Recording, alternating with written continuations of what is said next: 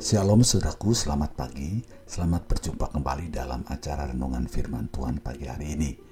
Bukalah hati saudara, biar firman Tuhan hari ini boleh kembali memberkati kita.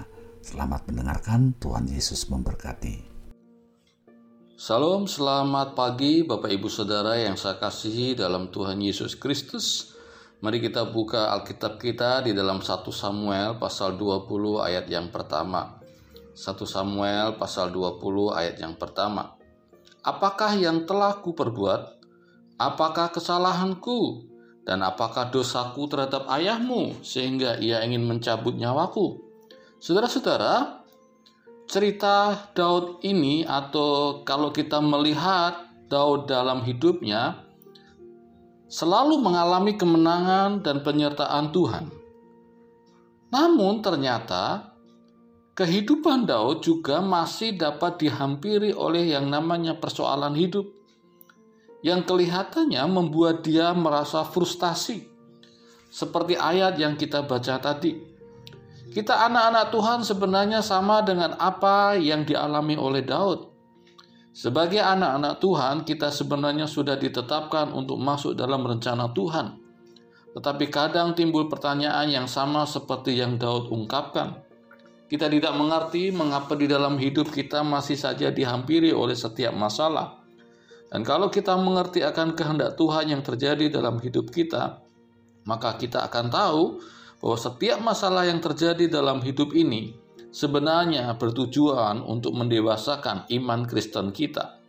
Saudara-saudara, saya tinggal di Bali dan saya sering melihat tamu-tamu dari luar negeri, Australia, Amerika maupun dari Eropa selalu membawa papan selancar ya atau yang namanya surfing.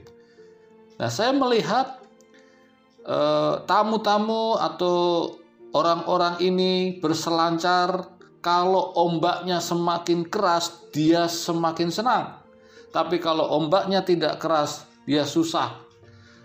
Ternyata Bapak Ibu Saudara, bagi para peselancar ya atau surfing ini mereka lebih senang ketika menghadapi gelombang yang sangat besar karena mereka akan menari-nari di atas gelombang tersebut. Nah, Saudara, persoalan yang kita alami sebenarnya hanya ingin mendewasakan iman rohani kita. Seperti peselancar itu dia menari-nari di atas segala ombak atau persoalannya dia malah senang kalau ombaknya besar. Sebenarnya orang Kristen sama, saudara-saudara, ya. Orang Kristen ada beberapa golongan yang menurut ayat ini saya paparkan ada tiga. Yang pertama adalah orang Kristen yang hanya mencari berkat. Orang Kristen yang demikian hanya senang dengan hal-hal yang berbau berkat. Dia tidak senang dengan persoalan, dia tidak suka dengan pergumulan, pergi ke gereja, kalau khotbahnya disampaikan soal berkat, ya akan sangat senang. Tapi kalau khotbahnya yang disampaikan tentang penganiayaan atau sesuatu yang keras, dia akan tersinggung dan dia membuat undur dari Tuhan. Nah, orang Kristen yang demikian tidak menyadari bahwa sebenarnya Allah sajalah yang harus mereka cari. Yang kedua tipe atau golongan orang Kristen yang hanya mencari mujizat. Mereka datang ke setiap ibadah ya, hanya untuk mencari mujizat. Biasanya kalau mujizat tidak diketemukan atau mereka mencari tapi tidak mendapatkan, maka dia akan kecewa. Dia tidak menyadari bahwa Allah adalah sumber dari segala mujizat itu. Yang ketiga, tipe atau golongan orang Kristen yang mencari Allah. Orang Kristen yang demikian dapat dikatakan juga orang Kristen yang memiliki kualitas.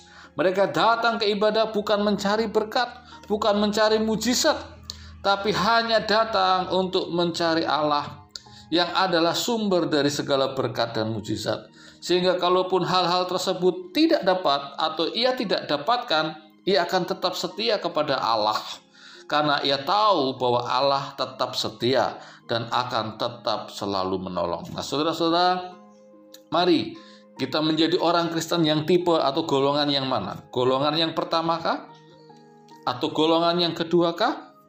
Atau kita menjadi orang Kristen dengan golongan yang ketiga yaitu orang Kristen yang mencari Allah baik buruk baik suka maupun duka kita tetap mencari Allah Terpujilah nama Tuhan kekal selama-lamanya. Mari kita berdoa. Tuhan Yesus, kami bersyukur buat pagi ini. Kiranya nama Tuhan dipermuliakan dari pagi sampai malam hari ini kami beraktivitas.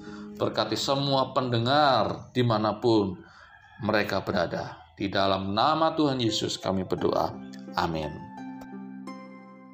Terima kasih untuk hambanya yang sudah menyampaikan renungan pagi hari ini. Tuhan Yesus memberkati. Sampai jumpa esok hari. Shalom.